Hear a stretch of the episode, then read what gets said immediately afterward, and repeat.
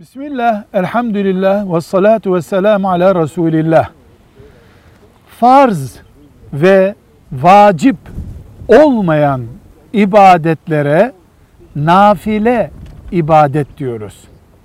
Nafile ibadetlere başlandıktan sonra yarıda bırakılıp bozulabilir mi? İfsad edilebilir mi?